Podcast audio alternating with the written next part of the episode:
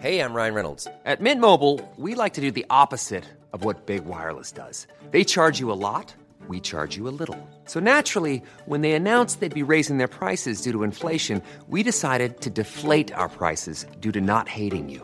That's right. We're cutting the price of Mint Unlimited from $30 a month to just $15 a month. Give it a try at mintmobile.com slash switch. $45 upfront for three months plus taxes and fees. Promo rate for new customers for limited time. Unlimited more than 40 gigabytes per month. Slows. Full terms at mintmobile.com. Small details are big surfaces. Tight corners are odd shapes. Flat, rounded, textured, or tall. Whatever your next project, there's a spray paint pattern that's just right. Because Rust-Oleum Custom Spray 5 and 1 gives you control with five different spray patterns. So you can tackle nooks, crannies, edges, and curves without worrying about drips, runs, uneven coverage, or anything else. Custom Spray 5 and 1. Only from Rust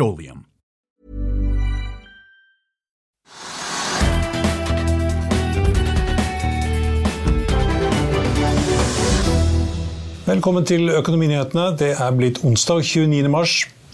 MPC Energy Solutions skal investere 1 milliard dollar i en fornybar energiportefølje innen 2027. Selskapet har hatt kapitalmarkedsdag i dag, og vi har med oss administrerende direktør i selskapet, Martin Vogt. Men vi begynner med å ta en titt på markedene. Hovedindeksen på Oslo Børs nå den er opp 0,5% til 1165,62. Og oljeprisen den er også opp 0,6% til 78 dollar og 81 cent. Og med det så stiger også olje og oljerelaterte aksjer. Aker BP er opp 0,9% Equinor opp 0,15 og så har vi PGS opp 0,4 eh, Vi kan også ta med TGS, som er opp 2,5 eh, av, og det, mens DNO er da litt ned, og det skal vi også komme litt tilbake til. Børsen i Europa er eh, opp. Vi ser at eh, de er også ganske pent opp, rundt 1% I London er det opp 0,9% Det samme er det i Frankfurt. I Paris er det opp 1,3% i Milana opp 1% i Madrid opp 1% og Stox 600 den er opp 0,9 eh, og futures eh, på børsene i New York indikerer at Dow Jones skal åpne opp 0,7 Uh, SMP 500 opp 0,8% og også opp 0,8% for uh, Nasdaq.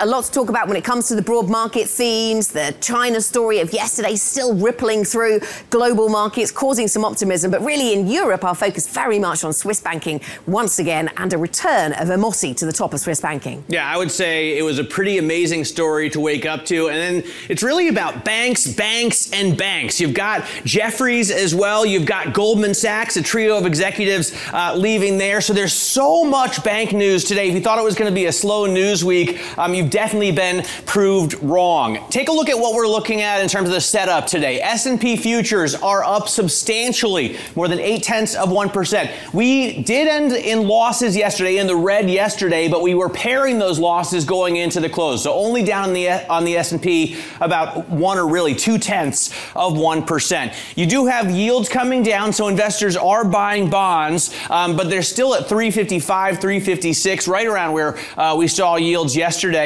And though you have the dollar rising, the Bloomberg Dollar Index is really pretty low 1232, the quote on that. And if you've been watching it, it has come down substantially over the past couple of weeks. Then Bitcoin, I think another big surprise here, surging up to $28,540. It seems that investors, at least in uh, what we've heard is very thin liquidity, have brushed off concerns about the CFTC suit against Binance and are continuing to buy uh, the OG. Somebody here is lifting the offer. Take a look at what's going on in Asia. You did have big gains in Asia overnight as well. The MSCI uh, Pacific, the broader index up only about two thirds of 1%, but the Hang Seng gaining more than 2% in Hong Kong, the Nikkei gaining one and a third percent in Tokyo, and the US dollar strengthening a little bit here against the yen at 131.99. Anna?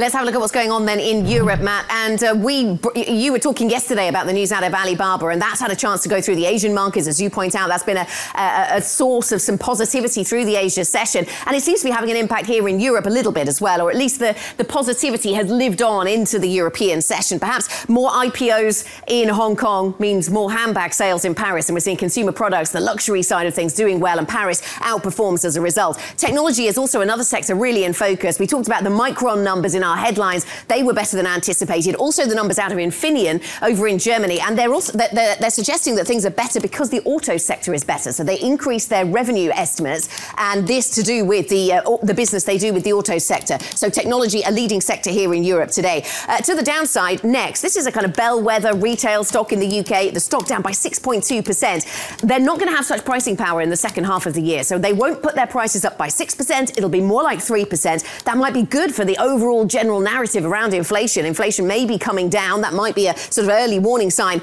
of that, but not great for margins. And so the stock under pressure. And here's UBS. We can't take our eyes off the banks for a moment. And certainly today the focus is on UBS. That stock up by 1.9% as they bring back Ja, og kan så ta med at eh, Tesla er opp 1,5% i førhandelen til 192 dollar 6 cent. Og aksjen har ikke begynt så bra på noe år, på ja, veldig lenge i hvert fall. Så langt i år så er aksjen opp over 53% før vi kjører videre, så vil jeg bare minne om at hvis du ikke rekker å se denne sendingen, så kan du også høre den ved å søke opp Økonominyhetene på Spotify, på Apple og på finansavisen.no. slash podcast. Bergen Solutions har hatt eh, strategioppdatering i dag og meldte at de er fullt finansiert med 293 millioner kroner i cash, og at selskapet nå retter virksomheten inn mot å levere karbon til eh, batterier for elektriske kjøretøy. Vi starter med eh, største Vi starter med bransjene med mest etterspørsel og betalingsvilje for solid karbon, sier administrerende direktør Odd Strømsnes. Samtidig vil det være fokus på kostnadsbesparelser, optimalisering og verifisering av teknologien og langsiktige partnerskap partnerskap, både oppstrøms og nedstrøms i batterivertikalen, heter det også. Aksjen spretter opp 29 eh, var iallfall sist vi så på. Nå er den opp 28% til 10 kroner og 22 øre. Det betyr også at aksjen er eh, ja, Da er den vel så vidt opp også hittil i år. Opp en eh, prosent, ser det ut til. Hittil i Nei, den er, den er uendra så langt i år. Omsetningen er, i aksjen er unormalt høy. Aksjen er fremdeles ned 90, 80% av det siste året. Skipsted falt tungt i går og fortsetter ned i dag. Analytikerne ventet at Skipsteds medievirksomhet skulle få et brutto driftsresultat på 100 millioner kroner i første kvartal. På side 143 i presentasjonen ble det imidlertid opplyst at medievirksomheten ventes å få et negativt resultat før av- og nedskrivinger, altså et EBTA, i første kvartal. Aksjen faller nye 3 i dag. Mandag meldte DNO at det hadde fått instrukser fra de kurdiske regionale myndighetene i Irak om å midlertidig stanse leveranser av olje til eksportrørledningsnettet som går mellom Irak og Tyrkia. Nå har DNO begynt å stenge ned oljefelter der det selv er operatør i den kurdiske regionen, og aksjen faller nye 2-3 SEB gjenopptar dekningen av Stolt-Nielsen med kjøpsanbefaling og kursmål på 440 kroner. og Ifølge en analyse, ons, ifølge en analyse onsdag aksjen stiger 3% til 337 kroner. Mandag meldte Softox Solutions at selskapet midlertidig vil permittere ansatte for å spare kostnader. I tillegg legger selskapet ned virksomheten i Danmark. Nyheten førte til et kursfall på 27% og dagen etter falt aksjen ytterligere 7 I dag er aksjen en av dagens vinnere. 14.3 meldte Avilco Drilling om det, ja, om det om at det anslo et finansieringsbehov på 5 millioner dollar for å kunne forfølge vår livssaken knyttet til rigg nummer to. Selskapet trenger pengene innen mai, men siden det har det ikke kommet noe nytt eh, fra selskapet, og aksjen er i dag en av taperne på Oslo Børs. Nordic Technology Group faller 17% på lav omsetning, uten nyheter fra selskapet etter at dette datterselskapet Hammertech hadde fått sin første ordre på feltmålere i Qatar, meldte selskapet tidligere i uka.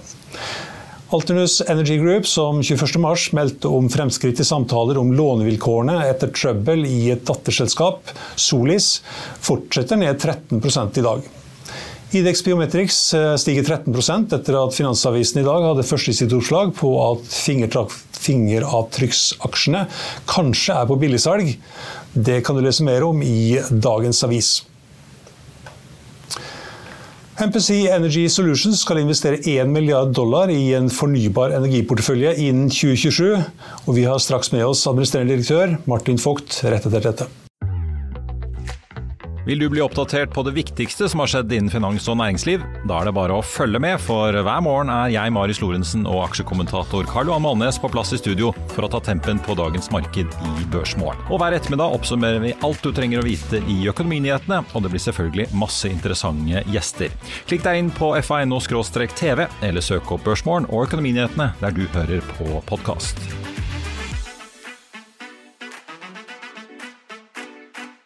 Ja, da har vi med oss uh, sjefen i MPC Energy Solutions, Martin Vogt. Og welcome, Martin. Thank you. Thank you for having me. Uh, first of all, can you just give us some insights into your business model and your company? Yes, absolutely. So at MPC Energy Solutions, we are a provider of sustainable energy infrastructure. That means we are basically an independent uh, power producer that is focusing on the developing markets, primarily Latin America and the Caribbean. Yeah, you're, you're listed on uh, Euronext Growth in Oslo with a few large Norwegian uh, shareholders. Uh, the biggest one is German, German fund. Correct, MPC Capital. Yeah. Uh, what is the story behind being in Oslo and on Euronext Growth in Oslo? So the story behind this is really that uh, the Norwegian uh, investor and the Norwegian ecosystem for renewable energy, also beyond the usual markets in Europe and, and America, is really at, at the forefront, right? So we find here um, a community, the, also the, the stock exchange itself that promotes the listing of, of clean tech companies, of renewable energy companies, that we really see is, is helping us in growing uh, the company to be in part of this ecosystem. But also when we look at the investor base that have supported MPC Energy Solutions from day one. Um, we had a lot of Norwegian investors being interested uh, in our business model, in supporting the company. And with MPC Capital, we obviously have a sponsor and, and, and strong cornerstone investor that has a lot of experience here in Oslo, also because of our sister company, MPC Container Ships, that is also listed here in the market. Mm. But you you have no operations in Norway or in Europe. You're in eight countries in Latin America and the Caribbean. Why is that? Correct. So actually, we are now already in nine countries uh, in Latin America and the Caribbean. We have a very strong growth path behind us in the last two years. Our headquarters is in Amsterdam. We have our main operating hubs in Panama City and in Colombia. And the reason why we are investing in the region is really we have find a combination of attractive factors in the market that makes it an appealing investment case. Um, that is, for instance, uh, it is a market with very good solar and wind resources. It is a US dollarized market, so we don't have to handle too many soft currency exposures. It is a market that is most vulnerable towards climate change as well, so the policymakers are really looking into accelerating the energy transition. And these factors together make it a really appealing investment case for our company. Hmm. Eight and nine countries now. Uh, where are you strongest? So our strongest operations at the moment are really in uh, countries like Mexico, in Colombia. Um, we have just finished projects in Puerto Rico, um, but also in El Salvador. This is currently where we have an operating base of assets, primarily solar plants and combined heat and power plants. Hmm. Is it difficult to do business in these Latin American and Caribbean countries? It has its challenges. Um, absolutely, working in developing markets uh, faces unique challenges from market to market. Um, you need to find the right people locally. Um, you need to work with the local institutions and government authorities that is usually um, slightly different um, from the process than what you see here in, in Europe. But on the other side, the opportunity is, is really massive, right? Um, you have more growth opportunities than currently in some of the European markets, considering all the limitations um, that, that people have also when it comes to not in my backyard sort of sense of communities who all like to be part of the energy transition, but all also like to have it happen somewhere. Planning for your next trip? Elevate your travel style with Quince. Quince has all the jet setting essentials you'll want for your next getaway, like European linen, premium luggage options, buttery soft Italian leather bags, and so much more. And it's all priced at 50 to 80% less than similar brands. Plus, Quince only works with factories that use safe and ethical manufacturing practices. Pack your bags with high-quality essentials you'll be wearing for vacations to come with Quince. Go to quince.com slash trip for free shipping and 365-day returns. I'll see you in court. Vi sier det ofte litt på spøk, men for deg som driver business, er det aldri moro å innse at du ikke har laget en 100% gyldig kontrakt. Du bør ikke risikere hele firmaet ditt fordi du synes dette med kontrakter er litt stress. En avtale er ikke en avtale. Du kan miste kunder, miste venner, ja, til og med miste inntekter om du ikke lager en skikkelig kontrakt, på alt mulig, egentlig. Men vi vet det er et styr. Kopimaskiner, tregprinter og haugevis av papir. Dessuten stoler vi jo på folk her i landet. Det er ofte litt kleint å skulle be om en signatur for alt mulig, ja, for mye av styret handler også om jakten på underskriften. Det finnes en enkel måte å løse dette på, Dukkobit, en trygg, effektiv og get this, gratis måte å sikre seg en god natts søvn pluss en juridisk bindende avtale. Dukkobit-appen har de strengeste sikkerhetskrav i bunn, samt en EU-godkjent og sertifisert teknologi. Framover vil det bli behagelig å spørre du, skal vi skrive under på det, eller? Kom i gang på dukkobit.no. Where else? Mm. Is corruption a challenge? Corruption is uh, always a, a, challenge in developing markets. Uh, compliance, uh, fraud, uh, bribery is, is, is things that we have very high on our agenda and our compliance system and our risk management. So usually we work with um, international partners when it comes to the construction projects, when it comes to our banks and lenders that we are working with. So we have it on our radar and we have a zero tolerance um, strategy and approach to this. So you need to find the right partners locally um, to work with, and then you can certainly avoid all of these issues. Mm. As you said, you're a renewable energy company, and there are hundreds of them, and maybe a few in Mexico and the other Latin American countries too. What's unique with your company? So, what is unique with our company is really compared to many of the other independent power producers that are out in the market that we really take two things very serious, and that is the local approach. When you look at our people, we really make sure that we are local energy experts with our local offices in the region. And the other part is that we really focus on the client a lot of the peers they focus on one technology we are completely technology agnostic we are looking at the next generation of energy as a product that means the clients are becoming more and more uh, demanding when it comes to they do want to have renewable energy, but they also want let's say the convenience of the conventional power right? You can't tell them i supply you energy from 9 to 5 they're also producing uh, around the clock. So you need to be more sophisticated in providing a sustainable low carbon energy solution and this is really what we are focusing on. How does your end user look like your your customers yeah that's another reason why we are actually uh, in the region because the region has a very wealth and broad variety of private corporates. If you look at Mexico and the nearshoring opportunities, there are all industries are in Mexico producing, for instance, for the US market. Or let's take our Puerto Rican projects. In Puerto Rico, we have a project with Johnson & Johnson and Neolpharma, both pharmaceutical companies that are producing for the US market. Um, and the same is countries like Colombia, Guatemala, you find very, very strong international corporates that do have a green agenda, they do have a green procurement program, but compared to Europe or America, they cannot just go to their utility and switch the tariff to green. So they need to do an own procurement. And then it comes to partners like MPC Energy Solutions to provide the best set of technologies that meets these companies' needs for sustainable and affordable clean energy. Mm. Uh, how does the proportions look like with the wind, solar, hybrid? Yeah. So I think you can imagine it's a very sunny uh, region, so it is no surprise that solar PV really takes the vast majority um, of technology. Um, in our portfolio going forward, if you look at our five year plan, we assume that around two thirds of installations will be solar. However, um, you see an ever growing demand from our clients for battery storage. Um, the reason is simply to make the energy more dispatchable and less intermittent. Um, and also the combination with combined heat and power.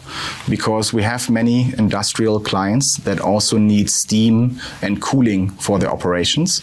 So to combine solar with a combined heat and power production is for them something where they can reduce costs, they can reduce their carbon footprint, but yet it meets their demand for a 24 7 energy supply. Hmm. You're building a portfolio of 1,000 megawatts um, by the um, in the region by 2027. How much will be invested in in this by 2027, and how will this be uh, financed? So that is really the, the main purpose for our capital market uh, day that we had today, right? So we feel that in the last two years since IPO, we have matured the company and put our development projects into construction, and now they're operational. So we feel that we we uh, we had to provide a new uh, roadmap for, for our projects going forward. So 1,000 megawatts at the current costs for equipment and installations, we expect a total capital demand of 1 billion US dollars. Um, considering that usually most of this is financed by commercial banks or development finance institutions, our equity demand over the next three to four years will be around 250 million US dollars. And obviously, this will be raised through different debt and equity instruments um, at the company level. Hmm. The interest rates around the world has been skyrocketing the last year. How will how is this affecting your financing plans? It is a challenge, obviously, if cost of debt and cost of equity is, is growing in the infrastructure space. It is a challenge for all IPPs, considering that the planning horizon of these projects are a couple of years, right?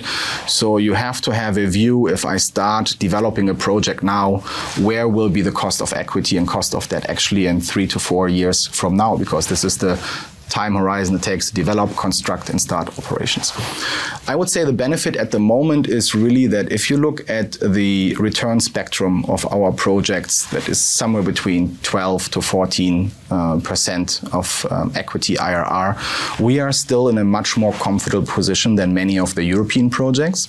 If you look at the cost of debt rising, let's say from 1 to 4 percent, we still have a lot of room to breathe compared to the America or the Europe, where a lot of the energy transition was built on very, very cheap debt. So we feel still being in a good, good position in the markets that we are in. Yeah, you have hosted uh, the Capital Markets Day today. What have you been telling your, your investors and the analysts? So again, our main agenda was to show that we have now a proof of concept. We have shown since the IPO, which is only two years ago, and we really started at the IPO with a blank sheet of paper, right? We raised 90 million US dollars two years ago. We developed and built and operate now a portfolio of, of four to five projects. Um, we will have an EBITDA of around 10 million US dollars uh, this year already. So the next step of the company is really where do we focus on? Um, considering inflationary environment and as you just mentioned, rise of cost of debt, there's clearly a need for cost reduction in our operations. How do we achieve that? We achieve that through direct procurement. We achieve that through insourcing of operations and maintenance services because one of our business model approaches is to be a participator in all um, in all cycles of the project. And also how do we finance uh, our our roadmap uh, until 2027 so we will invest 12 to 15 new million US dollars into new project developments. Actually this year we will initiate new pro project developments in countries like Panama Mexico but also um, El Salvador. How will this um, development expenditures return into projects that are ready to build and how do we start sourcing um, the capital for uh, the build out of this 1000 megawatts by 2027. At the end, we will look at a company that has an annual EBITDA between 120 and 150 million US dollars. Hmm. How much uh, does it cost your customer one kilowatt? So, according to our latest financial information, we have at the moment a selling price of almost 10 US dollar cents per kilowatt hour. If you compare that to the industrial tariffs that these local clients are exposed to, usually we create savings of 30 to 40 percent compared to their usual traditional source of energy. Mm-hmm. What's the traditional source of energy? Usually very carbon intensive. Uh, most of the markets that we're active in still have a high reliance on oil and gas and coal fired power plants. So, our low um, carbon intensive or even pure renewable energy is obviously an alternative that most of these companies are looking to, to diversify into. Mm. What about the infrastructure, power lines, etc.? Are they in place? Yes, they're in place, but it's it's one of the reasons why renewable energy um, is thriving so much in the region because indeed, as you as you point out, grid infrastructure is becoming a bottleneck um, the more renewable energy will be will be built on large scale as well.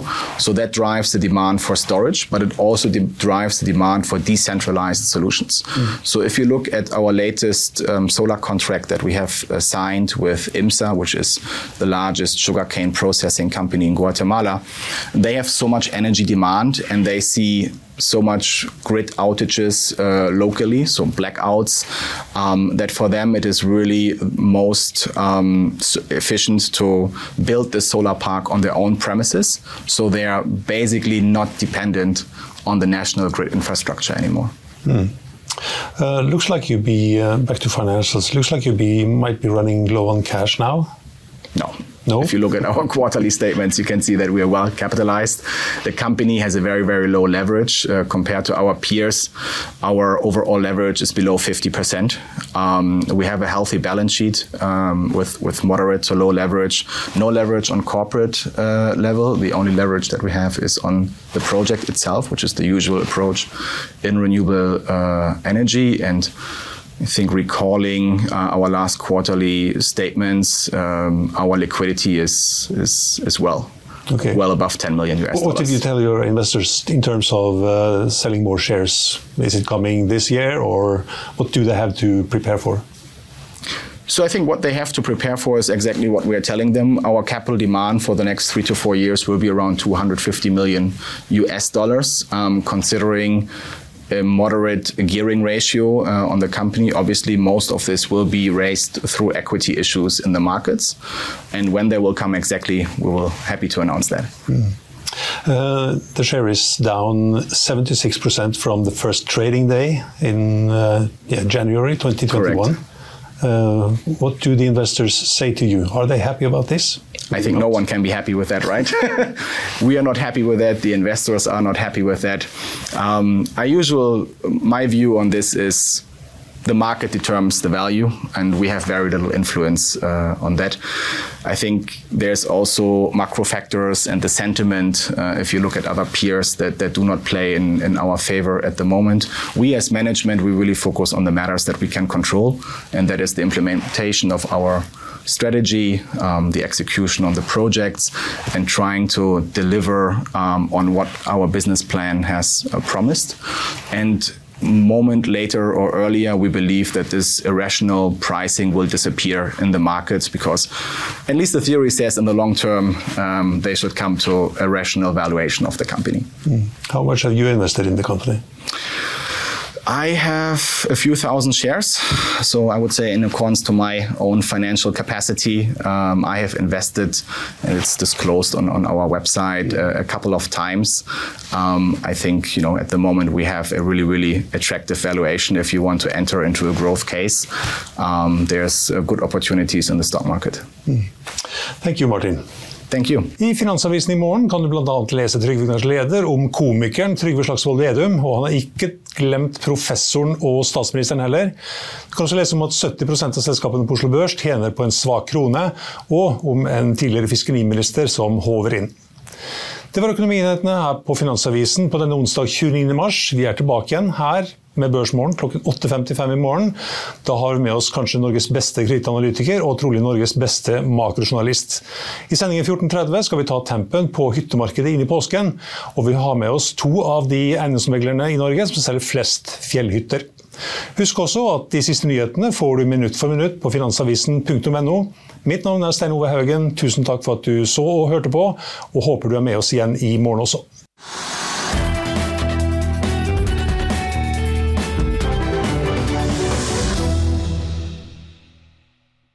Økonominyhetene er en podkast fra Finansavisen. Programledere er Marius Lorentzen, Stein Ove Haugen og Benedikte Storm Bamvik. Produsenter er Lars Brenden Skram og Bashar Johar. Og ansvarlig redaktør er Trygve Hegnar.